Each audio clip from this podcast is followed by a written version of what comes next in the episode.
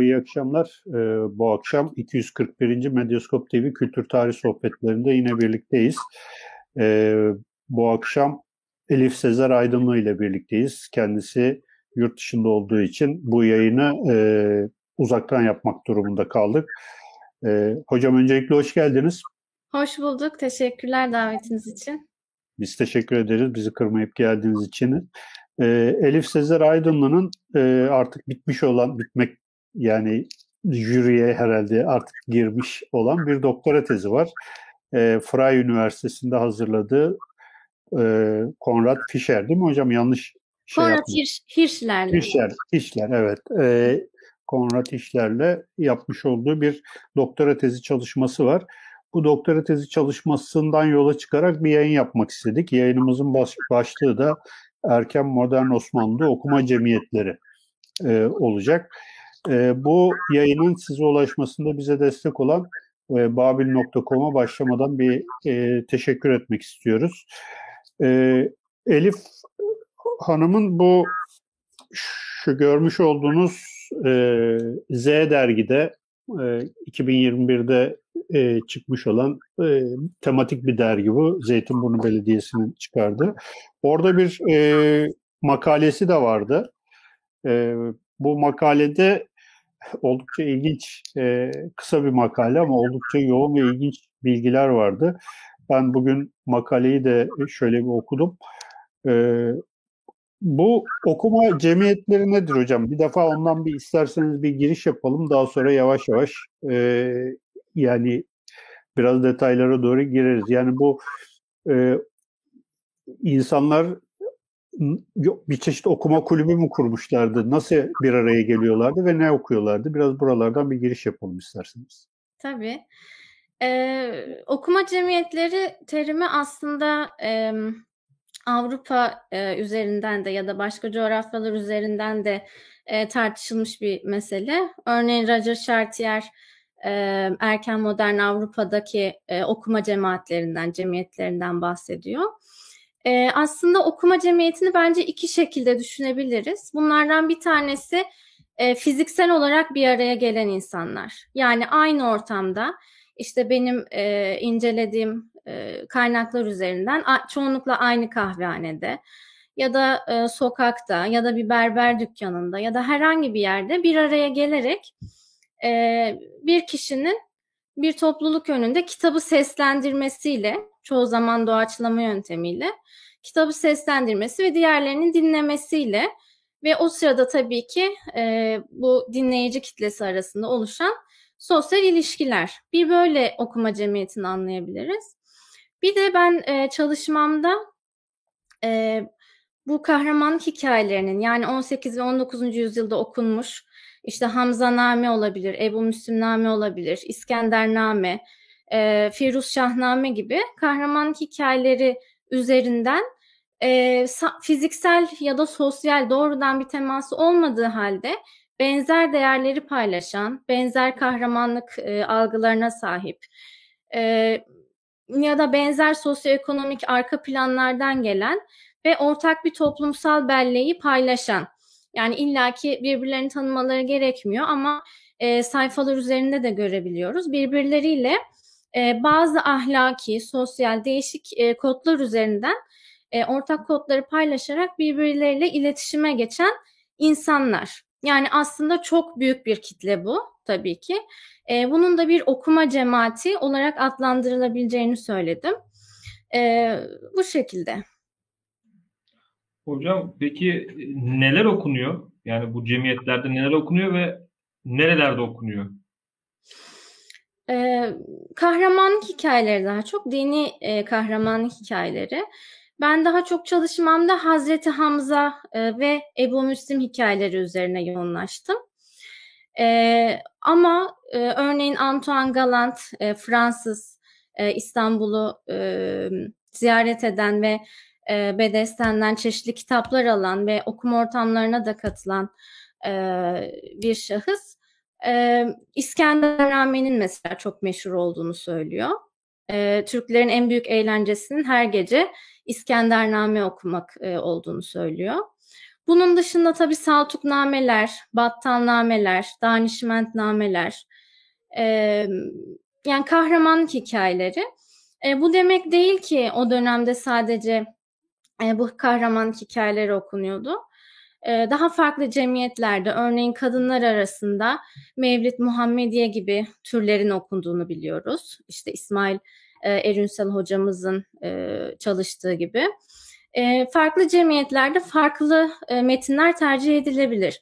Ama benim üzerine inceleme yaptığım ve kaynak olarak da bize daha fazla bilgi vermeye müsait olan türler Hamza ve Ebu Müslimname. Bugün e, kütüphanelerde çok sayıda el yazması mevcut. E, ben çalışmamda yaklaşık 200 el yazması üzerine odaklandım. Ancak bunun dışında bir bu kadar daha olduğunu e, biliyorum. Benim bilgim dahilinde bir bu kadar daha var. Onun dışında bilgim dahilinde olmayan e, yurt dışında gerek yurt içinde e, birçok yazma daha olduğunu düşünüyorum. Bunlar incelendikten sonra tabii ki daha fazla aydınlığa kavuşacaktır bu cemiyetin özellikleri. Nerelerde okunuyorlardı sorusu. E, daha çok kahvehanelerde. E, yine benim bu 200 kadar yazma üzerinden e, okuduğum 5000 6000 kadar okuma notu var. Ve bu okuma notlarının e, yaklaşık yarısı e, kitabın e, toplu olarak nerede okunduğunu, kim tarafından okunduğunu, e, kimlerin dinlediğini, hatta bazen e, kitabın okunması ile ilgili özellikler, kaç saatte okundu, e, dinleyenler zevk aldı mı, almadı mı e, ve genellikle e, net bir, kesin bir tarih e, atılmasıyla bitirilen notlar, yani yaklaşık 2000-2500 kadar bu şekilde not var benim okuduğum şu anda. Bu notların içinde de e, toplu okumanın gerçekleştiği e, mekan, en fazla gerçekleştiği mekan kahvehaneler. Yani yüzde seksen kadarı diyebilirim. E, kahvehanelerde gerçekleşiyor. Ve bu yüzden de aslında bu e, okuma cemiyetinin e, yükselmesi, kalabalıklaşması e, ve bu eserlerin daha çok okunmasının kahvehanelerin artmasıyla e, sayıca 19. yüzyıl İstanbul'un da bu kahvehanelerin artmasıyla çok sıkı bir ilişkisi var. Biz e, bazı notlardan ve yine bazı e, Avrupalı seyyahların anlattıklarından biliyoruz ki e, bu kahvehaneler, kahvehane sahipleri ya da onları işletenler e, aynı zamanda bu hikayeleri bir e, ticari bir yöntem olarak da kullanıyorlardı. Yani daha fazla müşteri çekmek için e, kullanıyorlardı. E, bazen okuyan kişinin, e, kitabı seslendiren kişinin kahvesini ısmarlıyordu kahvehane sahibi. E, çünkü onun kitap okuması üzerinden müşteri topluyordu ona. E, bir taktik olarak da bu kullanılıyordu. E, çoğunlukla kahvehanelerde. E, bunu biraz daha açarız konuşmanın ilerleyen zamanında. E, bunun dışında e, yani aklınıza gelebilecek her yer aslında insanların bir araya gelebileceği, toplanıp kitap okuyabileceği her yer diyebilirim.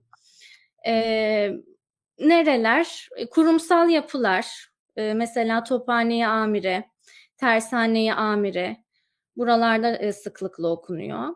E, bunun dışında e, dükkanlar, berber dükkanları başlamak üzere, e, her türlü esnaf e, dükkanı. E, odalar, odalar derken hem bekar odalarını kastediyorum. Çünkü okurların önemli bir kısmı da o dönemde bekar olarak tabir edilen Anadolu'nun çeşitli yerlerinden gelmiş, kalacak yeri olmayan, İstanbul'da çalışan ve bekar odası adı verilen yerlerde kalan şahıslar.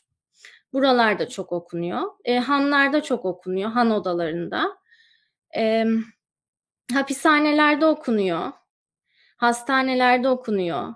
E, kışlalarda okunuyor. Yine askeri kesimin e, çok sevdiği hikayeler olduğu için e, kışlalarda okunuyor.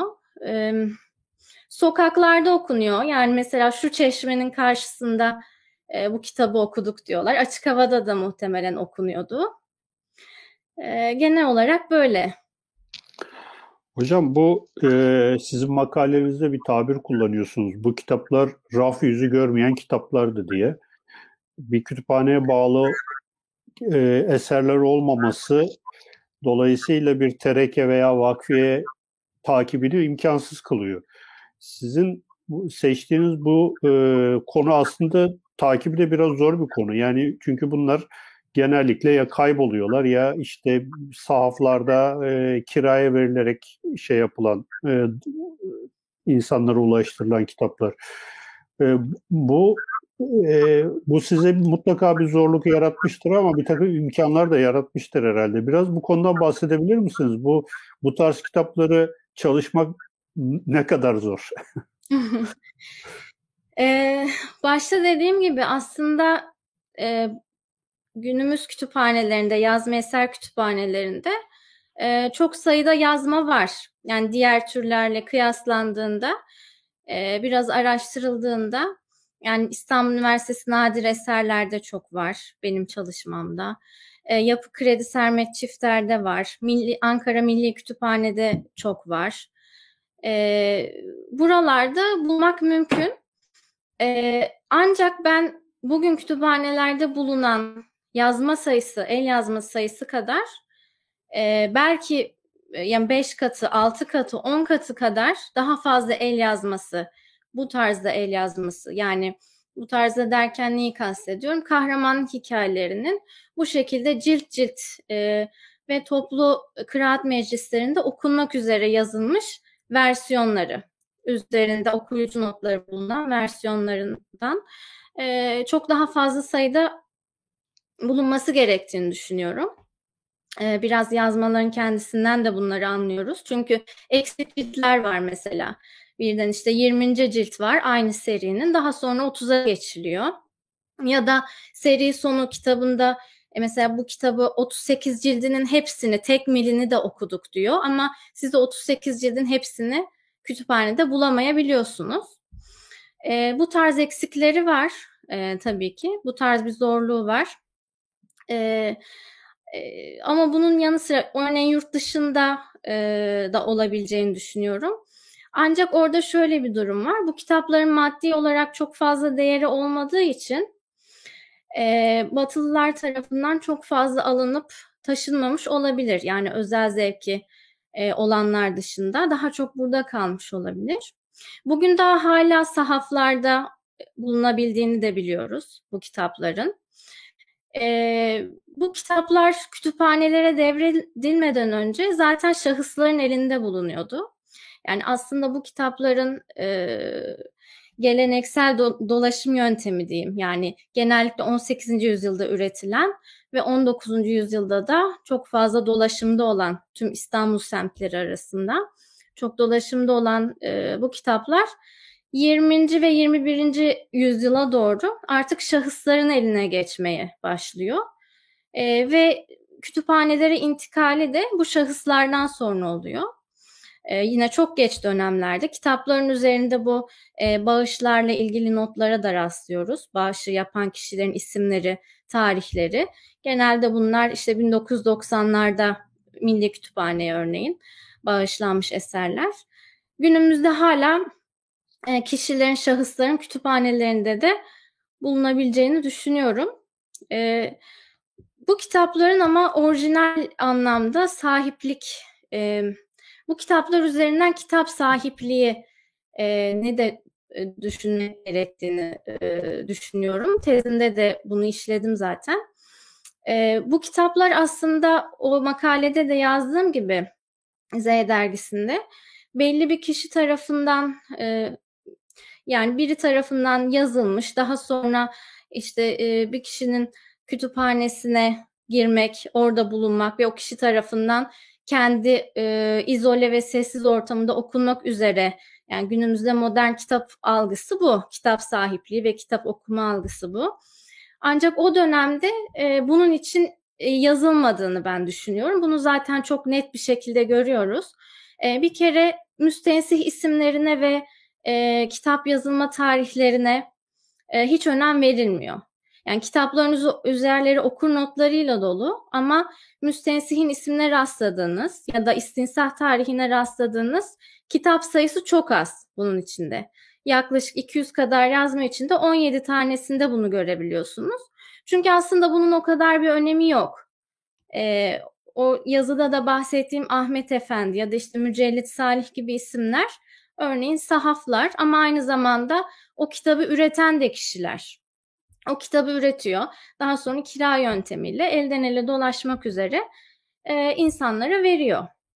Yani bu yüzden kitap sahipliği algısı bu kitaplar üzerinden biraz e, kırılmış oluyor ve kitaplar üzerinde bulunan isimleri de ben e, ben bu kitaba sahiptim anlamında değil de ben buradaydım. Ben de okuyan kişilerden biriydim anlamında bu isimlerin yazıldığını düşünüyorum. E, ilginç bir tablo sunuyor. Osmanlı'da e, kitap sahipliği kitap okuma kültürüyle ilgili çok farklı bir resim sunuyor. Peki hocam burada e, şunu yani bir metni e, kaç kişi okuyor? Yani mesela e, ne kadar sirküle ediyor? Bunları görebiliyor muyuz o şeylerden? Kıraat e, notlarından? E, görebiliyoruz. E, dediğim gibi yani 200 kadar yazma üzerine 5000 tane not olunca e, ben tezimde de bunu yaptım. Tek bir yazmaya odaklanıp o yazma mesela kaç kişi tarafından hangi tarihlerde, hangi semtlerde okunmuş bunu saptayabiliyoruz. Yani aslında bir kitabın şehirdeki dolaşımını ve hangi sosyokültürel ortamlara girip çıkabildiğini, bu da çok çeşitli e, bu anlamda, e, takip edebiliyoruz her yazma üzerinden. E, bu da çok heyecan verici bir durum. Nereler evet. var mesela? Bir kitap nerelere giriyor? Nerelerde dolaşıyor? İstanbul'da mı? İstanbul dışına çıkıyor mu mesela? Çok böyle aslında ilginç konular. Evet, İstanbul dışında e, sadece birkaç nota rastladım. Bursa, Çınaraltı ve Edirne'de olmak üzere birkaç nota rastladım. E, belki e, bu yazmalar çoğaldıkça, daha çok okundukça farklı şehirler çıkabilir. Ama e, ben yine de bu okuma pratiğinin daha çok İstanbul merkezli bir pratik olduğunu düşünüyorum. Çünkü birkaç örnek dışında genelde İstanbul semtleri arasında dolaşıyor bu kitaplar. E, nerelerde dolaşıyor derseniz e, çok şaşırtıcı şekilde aslında tüm şehre yayılabiliyor. Yani bir yazmaya baktığınızda böyle belli bir semtle sınırlı kalmış bir el yazması yok genellikle işte şehrin e, üç şeyine de kıtasına da işte Galata'ya da e, tarihi e, Yarımada'ya da ya da Üsküdar Kadıköy tarafına da geçen e, dolaşımda olan kitaplar bunlar. E, ama yine de en çok e, bu kitapların en çok okunduğu semtler Üsküdar, Kasımpaşa ve Tophane olarak karşımıza çıkıyor. E, tabii çok farklı sayıkları var bunun, nedenleri var. Ee, Üsküdar o dönemde tabii 19. yüzyılda artık kalabalıklaşmış, kahvehanelerin arttığı, örneğin e, genelde iskele bölgelerinde okunuyor. İskele bölgelerin isimleri veriyor. Balaban, Harem, Büyük İskele. E, Büyük İskele'de sıra kahveler denilen bir kahvehane zinciri varmış mesela. Onu görüyoruz notlarda. Üsküdar'da sıra kahvelerde okundu denilen çok fazla not var.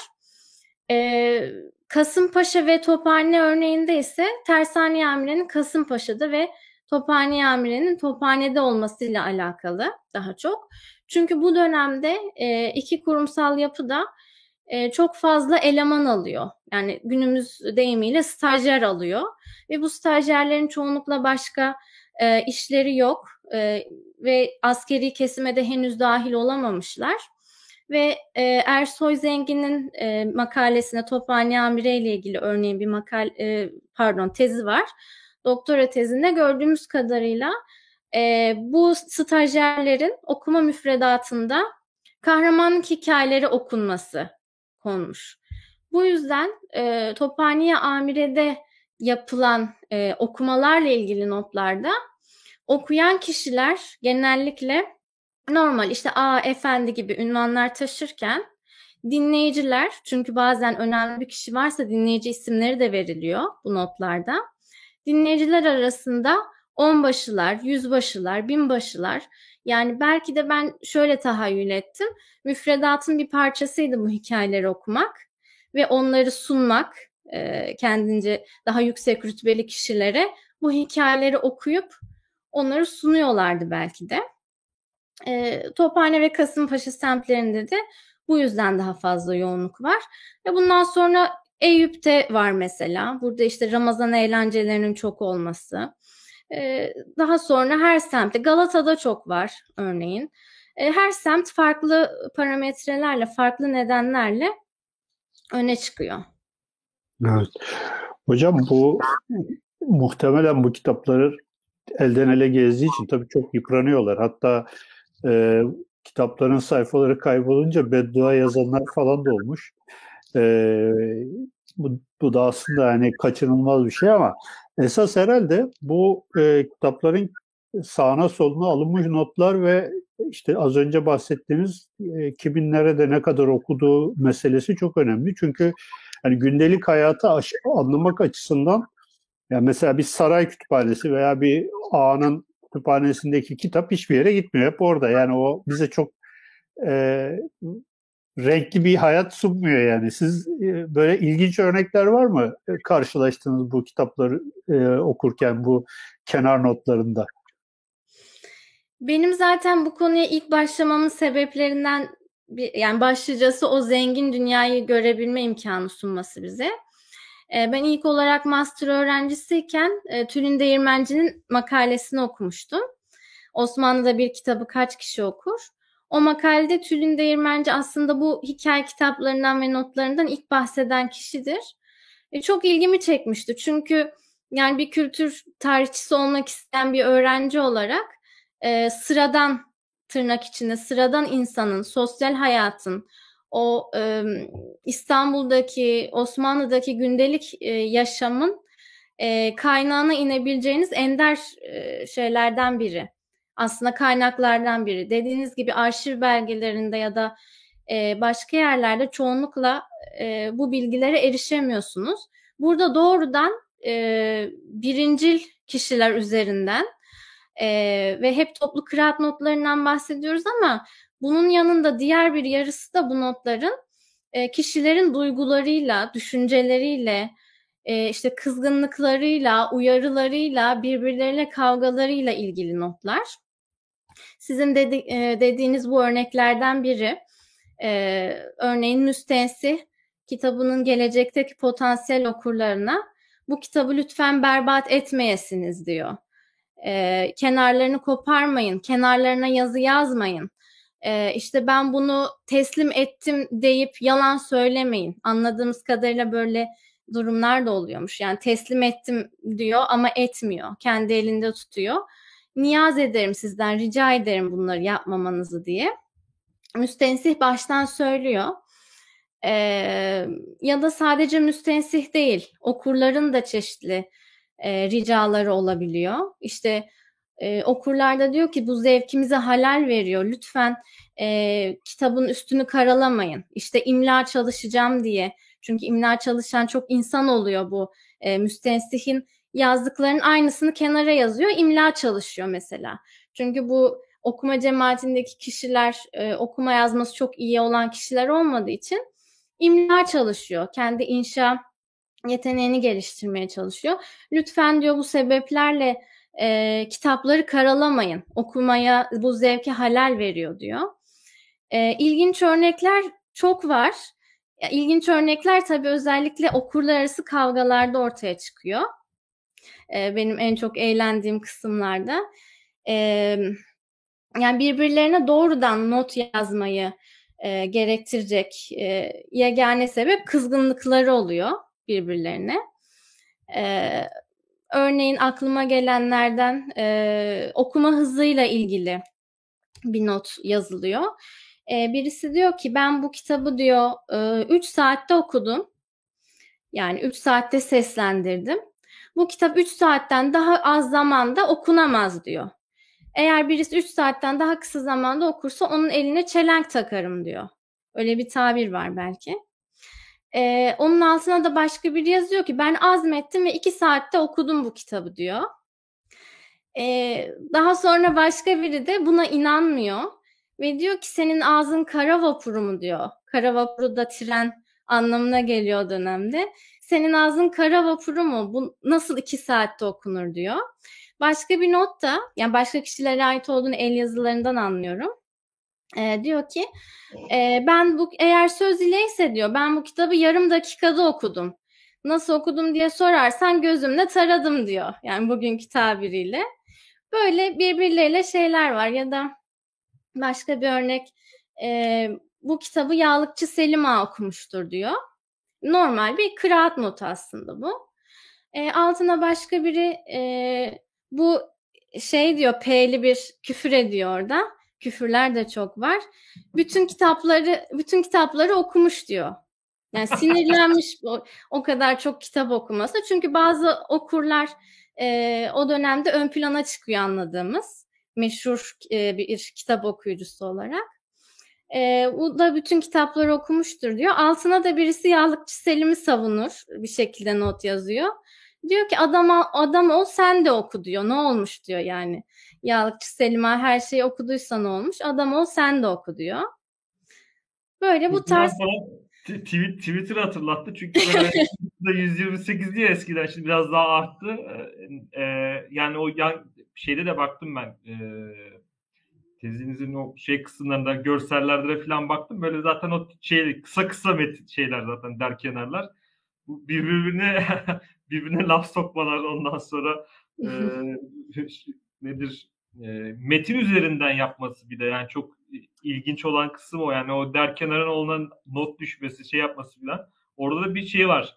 E, cidden bir diyalog da var. Metin üzerinden bir diyalog var. O cidden çok e, eğlenceliymiş. Ben oradan şeyi soracaktım.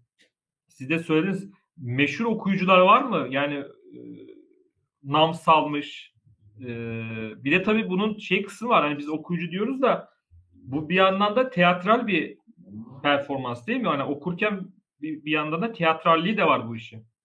Evet ben o yüzden okuma kelimesi yerine performans kelimesini hep tercih ettim. E, çünkü doğaçlama ağırlıklı bir okuma tarzı bu aslında. Onu da nereden anlıyoruz? Aynı yazma üzerinde verilen e, okuma sürelerinden. Aynı kişi mesela bir kitabı, aynı kitabı bir buçuk saatte de okuyabiliyor, beş saatte de okuyabiliyor. Bence bunu sadece kişilerin okuma yazma işte hızları, yetenekleri ya da okuma hızlarıyla ilgili değil de o kitaba ne kadar teatrallik katıyor e, bununla ilgili olduğunu daha çok düşünüyorum. Nitekim diğer e, folklorik çalışmalarda da e, yani Anadolu 13. yüzyıl Anadolu'sundan itibaren e, ellerinde bir kaynak olsa da yani cönkler de öyledir mesela. Ellerinde bir metin olsa da o metni e, kendilerince teatral bir hale sokarak yani ozanlar da öyledir. Mesela bazı ozanların elinde metin olur. İlhan Başgöz'ün e, çeşitli kitaplarında söylediği gibi.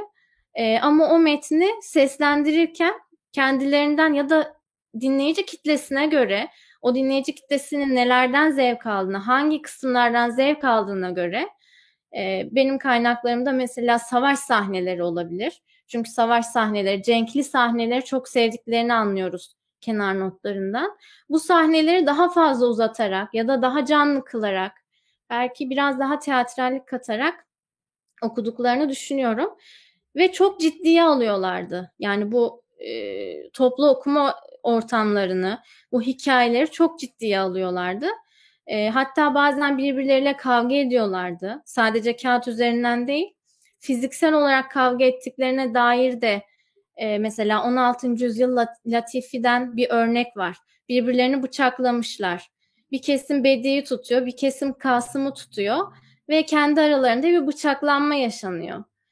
E, yani bugün düşündüğümüz anlamda e, nasıl diyeyim biz hikaye okumaya gidiyoruz, eğlenmeye gidiyoruz gibi bir şeyden ziyade gerçekten kendilerini özdeşleştirdikleri, kendi işte o dini, e, hamasi, çeşitli kahramanlık e, duygularını e, nasıl diyeyim coşturdukları bir ortamdı bu aslında.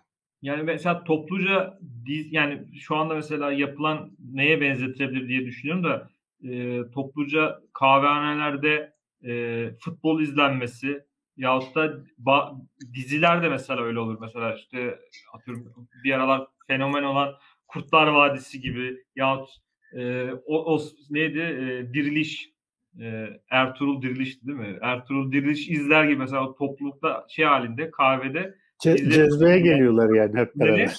Cezbeye geliyorlar hep Cez, beraber. Tabii.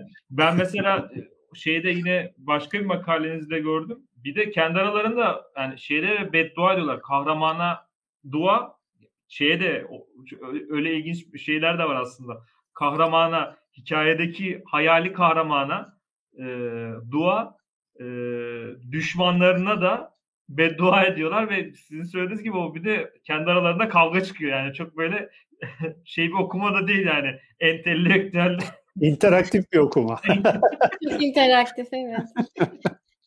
e, dua dua beddua meselesi evet çok büyük yer kaplıyor. Yani toplu okuma notlarının birçoğunda dua edildiğini görüyorsunuz. Hatta e, diğer okurları da duaya çağırıyorlar ve sen bu kişiye dua etmezsen ya da şu, en çok tabii ki Yezid'e beddua ediliyor. İşte sen Yezid'e beddua etmezsen sen de onun gibi ol diye tabii daha yaratıcı şekillerde, e, küfürlü şekillerde e, notlar yazılmış. Dua ve beddua kültü şeyde çok önemli. Bu notlarda çok önemli bir yer kaplıyor. Hocam bu e, metinleri okuyan insanlara belli bir ücret de veriliyor. Makalenizde bundan bahsetmişseniz. Bir, bu ücretler konusunu bir şey yapalım, e, konuşalım. Bir de böyle meşhur okuyucular var mıydı acaba? Hani evet, e, çok böyle istenen vesaire. O, biraz onlardan bahsedebilir miyiz? Masası Masası masa, gazino, Masa gazinolarda var. masası var. Assolis gibi falan böyle okuyucular var mı acaba? evet meşhur e, saptadığım birkaç kişi var işte. Yağlıkçı Selim onlardan biriydi. E, çok fazla şeyde karşımıza çıkıyor. E, çok fazla metinde karşımıza çıkan isimler var. E, bir de az çıksa bile meşhur denilen Mesela Tatar Şaban Efendi diye birini hatırlıyorum. İşte meşhur kıssahanlardan, meşhur tevarihçilerden, tevarih olarak da adlandırıyorlar bu kitapları. E, tevarihçilerden Tatar Şaban Efendi okumuştur gibi. E, böyle meşhur olduğunu gördüm. Mesela Yağlıkçı Selim'de e, Yağlıkçı Selim'in babası e, yani Yağlıkçı Selim'in babası bile okudu gibi. Yani babası kendi üzerinden hani bir şey atfediliyor, bir meşhurluk atfediliyor. E, para meselesinde de yani bu genel bir uygulama mıydı? Çok fazla bilemiyorum. Çok not yok. Ama karşıma çıkan 3-5 notta e, işte Firuzname atıyorum iki cilt Firuzname'yi e, 40 akçeye işte 3 cilt Hamza'yı şu kadar akçeye e, böylece yani farklı türlerden e, eserlerin de bir arada okunabildiğini de görüyoruz. Şu kadar akçeye okumuştur gibi Böyle 3-5 notla karşılaştım o makalede de söylediğim gibi. Ama bunun dışında e, dediğim gibi Avrupalı seyyahların yazılarında e, kahve karşılığı e, yani kitabı seslendirene kahve ısmarlayarak kahvehanecinin bu şekilde bir yani bir ücret değil aslında bu kahve karşılığında okuttuğu. Bunun dışında yine aynı e, Antoine Galant'ın e, yazdıklarında 3-5 akçeye okurlar bunu gibi. Tabii burada bizim için önemli olan şey e, bunun ucuz bir eğlence olması. Aslında neden bu kadar çok kişiye hitap ettiğini, bu e, benim cemaat olarak adlandırdığım bu kitapları seven insanların neden bu kadar çok olduğunu ve e, sosyoekonomik olarak da neden orta sınıf ve alt sınıf olarak çok e, genel şekilde tabir edebileceğim kişiler tarafından neden daha çok tercih edildiğini gösteren bir şey. Çünkü ucuz bir eğlence yöntemi. E, gidip kahvehaneye sadece bir kahve içerek o kitabı dinleyebiliyorsunuz, eğlenebiliyorsunuz. E, bu tercih, e, bu okuma pratiklerinin tercih sebeplerinden birisi e, ucuz olması. E, kitapların değeri bakımından da dediğim gibi terekelere vesaire baktığımızda genellikle çok fazla kıymette haiz değiller. E, bu da bize bir şanssızlık yaratıyor. Çünkü terekeye yazan kişiler, Beytülmal e, eminleri bu kitapları çoğunlukla isimleriyle değil de topluca zikrediyorlar. Örneğin Türkiye Kütüp, işte Evrakı Perişan, e, kitapların alayı gibi böyle topluca bize bir fiyat veriyorlar, e, şey e, ücret veriyorlar. O yüzden de tam olarak e, takip edemiyoruz e, kitapların değerini. Ücret meselesi böyle. Ben şu, o zaman şunu devam edeyim. Bu e, şeyi sormak gerekiyor halde. Yani kimler dinliyor? Bu böyle bir e, şeyimiz var mı? Sosyolojik hani şeylerde filan Kasımpaşa'da dinleniyor dediniz işte e, Tophane Amirane dinleniyor dediniz ama bunun haricinde nasıl bir e, sosyolojik yapı ortaya çıkıyor? Yani bunun böyle bir şeyimiz var mı? Verimiz var mı? Ne, bunun üzerine neler, neler söylenebilir? Benim çalışmamın büyük kısmını bu soru oluşturuyor aslında. Yani Osmanlı sosyal, e, toplumsal e, tarihine ne kadar katkı sağlayabilir, ne kadar e, büyük bir potansiyeli olduğunu aslında bu kaynağın e, bunu göstermeye çalıştım daha çok. E, başta söylemem gereken şeyi belki şimdi söyleyeyim. Yani bir toplu okuma notu dediğimizde, bir kıraat notu dediğimizde neyi kastediyoruz aslında? En başta bunu söylemek lazım. İçeriğinde ne var? Genellikle şöyle bir formda oluyor. E, bu kitap e, diyor. Daha sonra kitabı seslendiren kişinin e, mesleği, ünvanı. Tabii bunların bir kısmı olabilir, bir kısmı olmayabilir. Her notta aynı değil.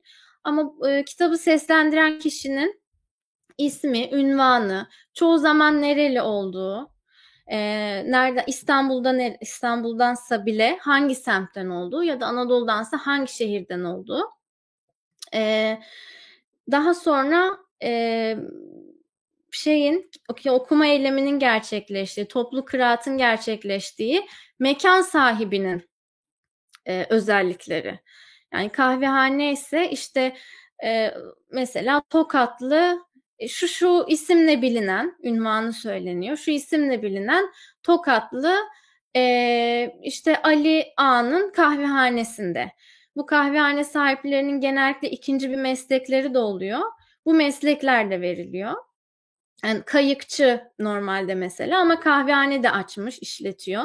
Çünkü bu dönemde çok yaygın bir uygulama bu. E, kahvehane açmak belli bir yetenek ve çok fazla sermaye gerektirmediği için ve tutacağı da belli olduğu için bu işin genellikle başka bir mesleği sahip olsa bile kahvehanelik e, sahipliği de yapıyor bu insanlar. Kahvehane işletiyor. E, kitap okuma e, pratiğinin gerçekleştiği yerden ve e, bu mekan sahibinden sonra da varsa mecliste önemli kişilerin isimleri şu efendi şu Ali Ağa'da dahi dinlemiştir şeklinde veriliyor ve en sonunda da genellikle azim safaya boldular. Çok safa aldılar, çok keyif aldılar anlamında bir ifade olabiliyor. Bazen dediğim gibi kaç saatte okundu, işte o mecliste neler oldu böyle yan e, bilgiler verilebilir. Ama bu kalıp bu şekilde. Yani okuyan kişinin özellikleri, mekan sahibinin özellikleri, e, dinleyicilerin özellikleri varsa ve e, yani yüzde doksan e, tarih veriliyor. Bu tarih de bizim için çok önemli e, yazmanın seyrini e, izleyebilmemiz için ve ayına, gününe, işte yılına kadar ayrıntılı da bir tarih veriliyor. Bir kıraat notu dediğim şey toplu okuma ile ilgili e, bu kalıpta. E, bu kalıp tabii ki e, bir de sayıca çok fazla olduğu için bu notlar bize çok fazla veri sağlıyor o günün toplumsal hayatı ile ilgili. Örneğin hangi semtte daha çok hangi e, memleketten insanlar yaşıyordu gibi. Yani bunlar üzerinden çeşitli gözlemler yapabiliyorum. Örneğin işte e, kapanı dakikte bugünkü un kapanında daha çok Tokatlıların olması gibi.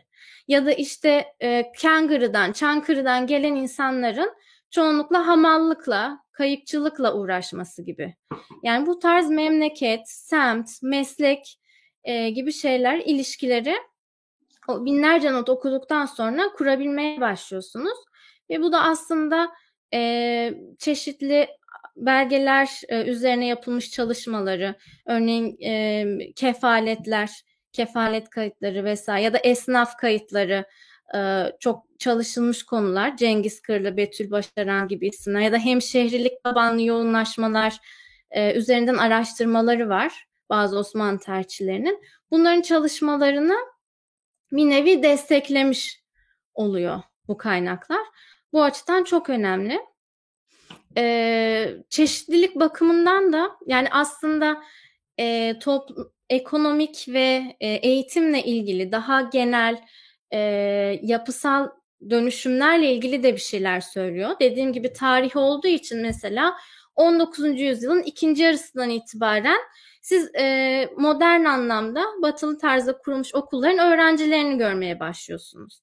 İşte Mektebi Mülkiye, Mektebi Bahriye e, gibi okullardan öğrencilerin de e, resme dahil olması ya da işte her zaman söylenen Osmanlı bürokrasisi genişledi 19. yüzyılda. Ama bu bürokrasinin parçalarını mekansal olarak ya da şahıslarla ilgili olarak yine bu notlar üzerinden izleyebiliyorsunuz.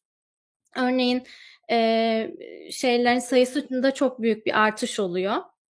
E, katiplerin e, bu bürokratik yapı genişledikçe. Bu sefer siz katipleri, ketüdaları, işte e, muhasebe odalarında ya da Evrak-ı Hümayun odasının işte şurasında bilmem ne A tarafından okundu gibi 19. yüzyılın ikinci yarısında bu tarz notları görmeye başlıyorsunuz. Yani hem toplumsal dinamikler hem bu yapısal dönüşümler bu notlar üzerinden okunabiliyor. Benim zaten temel amaçlarımdan biri bu çalışmayı yaparken e, bu potansiyeli göstermek. Çünkü çok fazla şey yapılabilir bu notlarla ama neler yapılabilir? En azından bunun e, bir panoramasını sunmak e, amacındaydım. E, inşallah faydalı olur bu anlamda. Evet. Hocam şimdi sizin makalenizde 1608 yılında bir sahafın Ahmet Efendi'nin e, bir terekesinden rakamlar vermişsiniz. Mesela Hamzaname 184 ciltmiş e, bu sahafta. Süleymanname 45 cilt, Ebu Müslim 33 cilt. E, bayağı külliyatlı yani aynı metni 184 cilt e, olduğuna göre bunu kiralıyor yani e, anladığımız kadarıyla ve bunun kirasıyla işte geçimini sağlıyor vesaire. Bu kiralamayı nasıl yapıyorlar? Yani bunu mesela bir rayici var mı? Bununla ilgili hiç kayıt kuyut buldunuz mu? E, bu ücretlerle ilgili yazmaların kendisinde bulamadım. Ama Hı-hı. dediğiniz gibi terekeler üzerinden e, bu bahsettiğiniz Ahmet Efendi terekesi Meredith Queen tarafından doktora tezinde e, bahsedilmişti. E, ve Meredith Queen haklı olarak e, bu kadar aynı türe ait bu kadar fazla yazma olmasının sebebini e, talebe, yüksek talebe bağlıyor. Yani aynı dönemde örneğin Ramazan'da ya da kış aylarında. Çünkü bu kitaplar eğer Ramazan yaz ay, aylarına denk gelmiyorsa hiçbir şekilde yazın okunmuyor. Tarihler üzerinden bunun izini sürebiliyorsunuz. Hep kış akşamlarında ya da Ramazan akşamlarında yapılan bir eğlence tarzı bu. Ee, ve örneğin Ramazan'da çok fazla talep oluyor. Elinde bu yüzden çok fazla sayıda aynı türe ait e, yazma tutmak zorunda diye yorumluyor. Ben de katılıyorum aynı şekilde.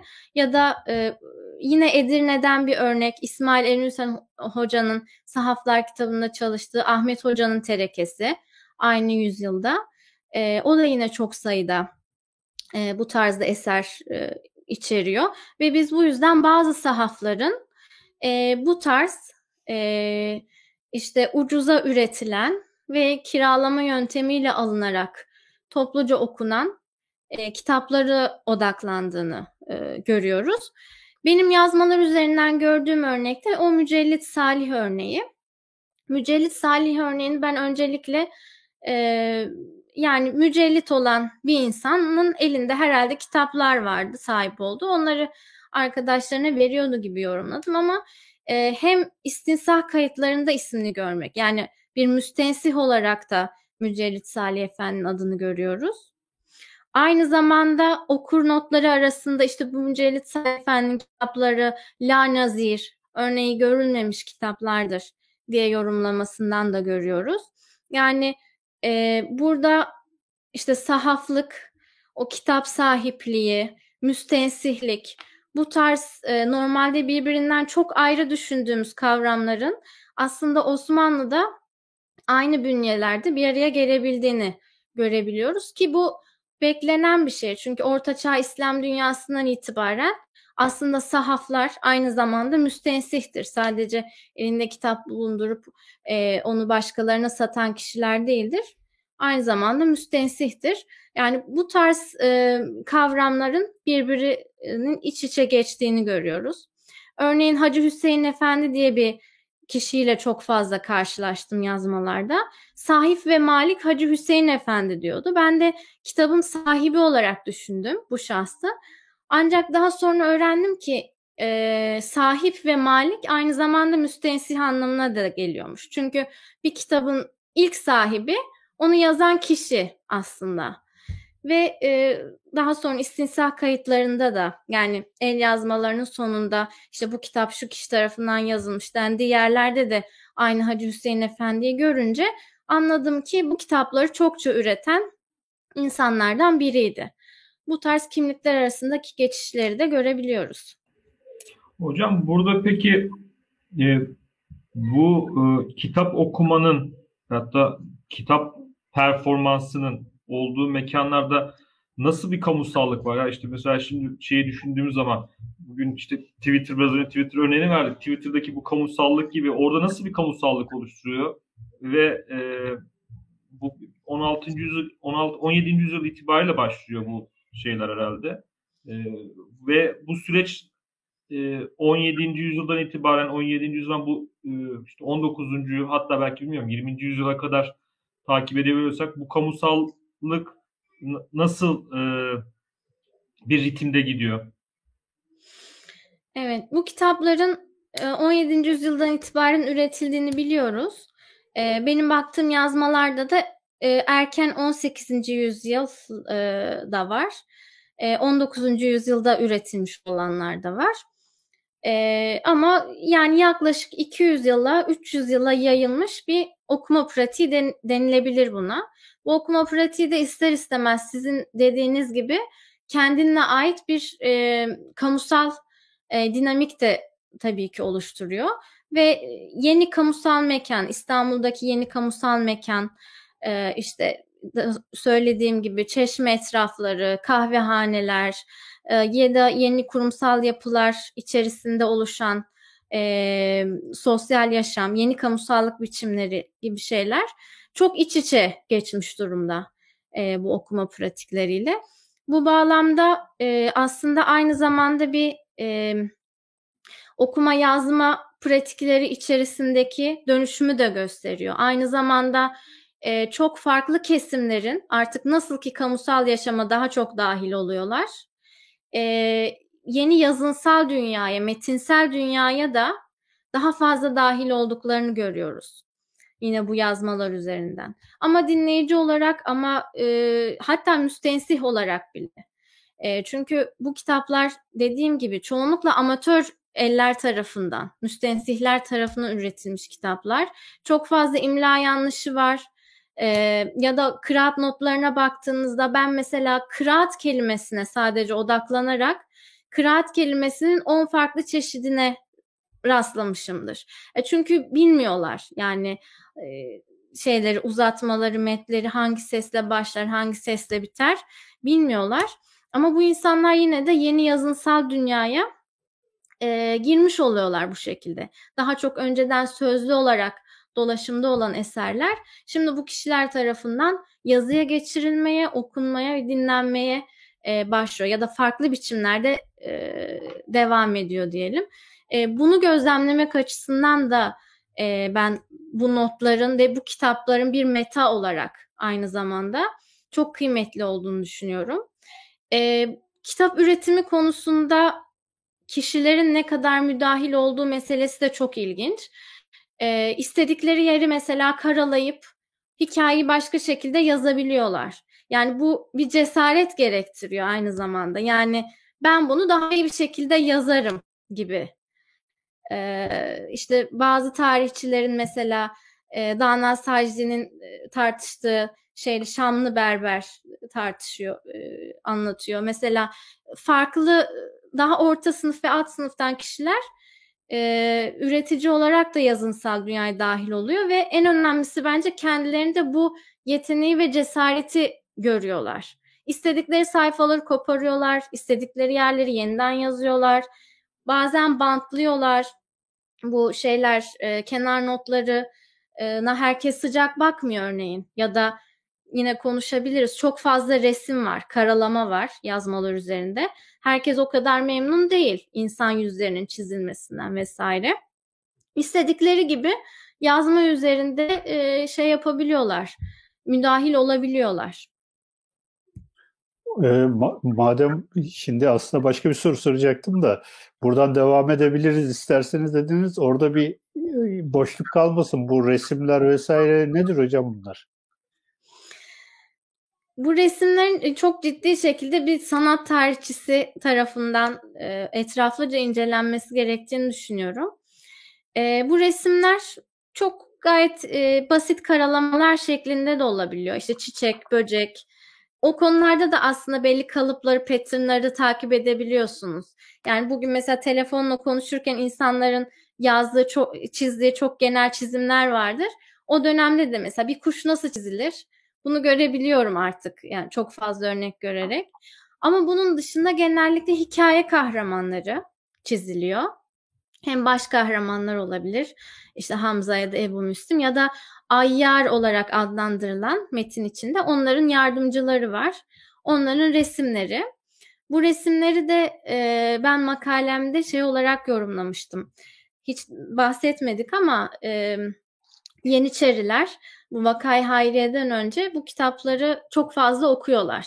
Yeniçerilere hitap eden e, ve bir yerde o Alevi Bektaşi kültüre de hitap eden metinler gerek içerik bakımından gerek okuma mekanları ve pratikleri açısından e, bu tarz metinler ve e, Yeniçerilerin mesela kıyafetleriyle ya da börkleriyle bu kahramanlar çiziliyor. Kendi günlerindeki kahraman algısına göre. Bu algıları okumak bakımından çok önemli bu çizimler bence mesela. E, bunun dışında silah çizimi çok var. Yani e, silaha sanırım çok önem veren bir toplum. Yani örneğin Ebu Müslim hikayesi Arapça ve Farsça e, versiyonlarında Ebu Müslim Horasani, Horasanlı olarak e, başlık atılırken bizde Teberdari yani teber taşıyan, teber silahını baltaya benzeyen hı hı. silah taşıyan Ebu Müslim olarak adlandırılıyor ve e, bazı yazmalar özellikle ya aynı kişi tarafından ya farklı kişiler tarafından çizilmiş teber resimleriyle dolu. Hamza hikayeleri genellikle zülfikarlarla dolu. İşte Hazreti Hamza'ya, harici hareketine atfedilmesi vesaire bakımından. Ee, çizimleri bu şekilde özetleyebilirim. Çok fazla var. Mekanlar var. E, hikayede geçen mesela. Bir tane göstereyim isterseniz şimdi hemen şöyle. Olur. Şöyle. Evet. Burada iki kişinin e, şeyle gürzle gürzleriyle savaştığını görüyoruz. Şöyle bir dakika. Şöyle biraz daha şey yapayım da evet. Ama pardon. Dağıldı. evet. Bayağı şeydi yani aslında e, yani derkenar diyoruz veyahut da işte çok böyle e, önemsiz gibi duruyor ama cidden bir e, başkentin e, İstanbul'un e, bütün e, sosyokültürel tarihini e, artık şey diyorlar ya mikro tarihini e, o, o mikro tarihten çıkarak aslında bir, koca bir makro tarih şeyini e, perspektifini ortaya koyuyor. Yani burada e, şeyle ilgili nedir e, siyasetle gündelik siyasetle ilgili de paralellikler ortaya çıkıyor mu? Yani mesela 17. yüzyıl itibariyle başladığı zaman o günkü e, işte zaferlerle ya da isyanlarla e, mağlubiyetlerle o metinler arasında hem okunan metinler hem de e, derkenar olarak düşülen şeyler. Ya yani mesela atıyorum fiyatlardan e, şikayet ediliyor mu? Böyle, böyle bir şey var mı? Hay- hayat çok pahalı mıymış? Yani her zaman her zamanki Türkiye'nin her zamanki mevzusu. Böyle e, paralellikler oluyor mu? Görebiliyor muyuz? Yakalayabiliyor muyuz böyle şeyleri? Ben özellikle Yeniçeriler üzerinden buna çok dikkat ettim. Hani Vakay Hayriye'den önce nasıl, onların notlarına olan tavır, sonra nasıl. Çünkü e, Yeniçerilere ait hem çizim olarak hem kıraat notu olarak e, dergahı Ali yoldaşlarından işte bilmem kim okudu şeklinde Yeniçerilerden birinin okuduğunu anladığımız notlar var. Ya da Yeniçerilerin e, nişanları var çok fazla sayıda. Her ortanın biliyorsunuz bir nişanı var ve onları o dönemde işte Cabi tarihi vesaire gibi e, kaynaklardan okuduğumuz kadarıyla her yere çizmeyi çok seviyorlar. Bugün hala mesela surlarda vardır e, onların izleri e, ya da başka yerlerde yani pazularına mesela yapıyorlar yaptırıyorlarmış bu nişanların resmini ya da gemilerine yaptırıyorlarmış e, vit, ya da vitrinlere yani kendi dükkanlarının çünkü Yeniçeriler son dönemlerinde artık e, esnaf olarak da şehirde varlar bir sosyal hayatın parçası olarak e, dükkanlarının e, camlarına da yapıyorlarmış. E, bu yüzden okudukları metinleri, bu metinleri çok okudukları için bunlar üzerine de yapıyorlar. E, Yeniçerilerin izini takip edebiliyoruz. E, benim master tezinde incelediğim Firuz Şah hikayesinden il- ilginç bir örnek çıkmıştı mesela siyasi anlamda. E, Abdi Efendi diye birisi 56. ortadan hem gemi şeklindeki nişanını çizmiş hem de altına işte birkaç şiir yazmış. Bu arada bahsetmediğim şeylerden biri de şiir. Çok fazla şiir var. Hem kendi şiirlerini yazıyorlar hem e, bilinen şairlerin şiirlerinden alıntılar yapıyorlar kenarlara. E, kendi şiirini yazıyor Abdi Efendi 56. ortadan. Ama altına e, hem notların etrafına birisi çok fazla küfür yazıyor. Bu bilmem kimin yaptığı işte nişandır vesaire gibi. Ee, birisi de şey yazıyor. Bu Abdi Efendi diyor 23 tarihinde avretini vesaire vesaire yaptırmıştır diyor. Yani küfür ediyor yine. 23 tarihinde ne olmuş olabilir falan diye ben baktığımda Çardakçı olayı diye bir olay varmış o dönemde. Bu 56. ortanın e, işlettiği iskele Çardakçı iskelesi. Orada hatta kendilerine ait kahvehaneleri varmış ve Reşat Ekrem Koçu'nun anlattığına göre o kahvehanede çok e, halk edebiyatı, halk şiirleri vesaire okunurmuş. E, ve bu çardakçı olayında e, bir şekilde 56. orta diğerlerinden uygunsuz bir şekilde davranmış ve diğer ortaların nefretini çekmiş kendi üzerine. Yani muhtemelen bu notu yazan 23 tarihinde oluyor bu 1223'te. 23 tarihinde avretini şöyle yapmıştır vesaire gibi böyle küfür etmesinin sebebi başka ortadan bir e, Yeniçerinin bu 56. ortaya kızgın olması. Ya büyük bir ihtimalle bu böyleydi. Yani bu tarz dedektifliklerle küçük e, işaretlerle biraz ilerleyebiliyorsunuz. Bir de ben şeye dikkat ettim. E, Vakay Hayriye'den sonra e, Yeniçerilerin notlarına nasıl muamele ediliyor?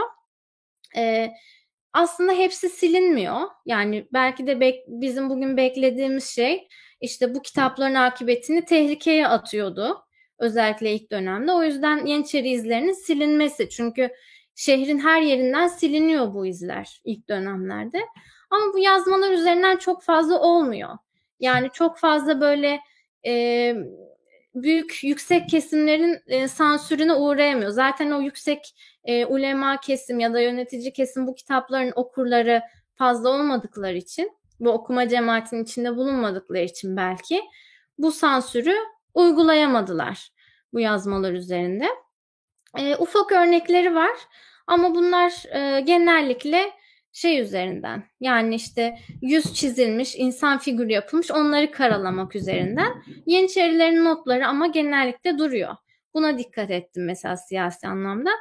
Ama işte hayat pahalılığı vesaire gibi şeyler değil de e, daha çok genel anlamda e, işte atasözleri var. E, sen şunun kıymetini bil yoksa şöyle olur gibi böyle birbirlerine bazen ukalalık derecesinde verdikleri akıllar. Mesela sosyal medya. sosyal medya tam olarak. E, mesela hikayeye bile kızmış birisi. E, Firuz Şah bilmem kaç tane adam öldürdü diye anlatılan bir yerin kenarına adam öldürmek pehlivanlık mıdır diyor. Onları diri tutmaktır pehlivanlık diye. Böyle Firuz Şah'a kızmış.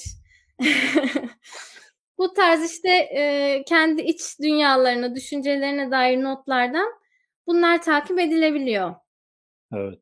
Hocam şimdi size e, 56. orta ile ilgili e, bir şey söyleyeyim. Yanlış hatırlamıyorsam Zeyrek'teki Şeyh Süleyman Mescidi'nin avlusunda 56. ortaya e, mensup bir Yeniçerinin mezar taşı var. Ve Öyle üzerinde mi? gemi remzi de o gemi 56. orta remzi de var. Eğer e, İstanbul'a gelirseniz bir gidin çünkü yeniden restore edildi orası. E, birkaç sene önce o taşlar falan temizlendi. İstanbul'daki nadir yani 56. ortayı zaten hani bulmak çok mümkün değil ama hani Şeyh Süleyman Mescidi'nde o e, ortaya ait bir e, şey var hatırladığım kadarıyla. Hatta ben fotoğrafını çekip e, şeyde paylaştım sosyal medyada paylaştım. Öyle mi? Tamam. Notunu evet. aldım. Teşekkürler. evet. Bunda bir şey yapayım. Hocam ben son olarak şunu söylemek istiyorum. Bizim daha önce Nazif Arıman'la bir e, yayınımız vardı. İstanbul'un Bilezik Yazıları diye.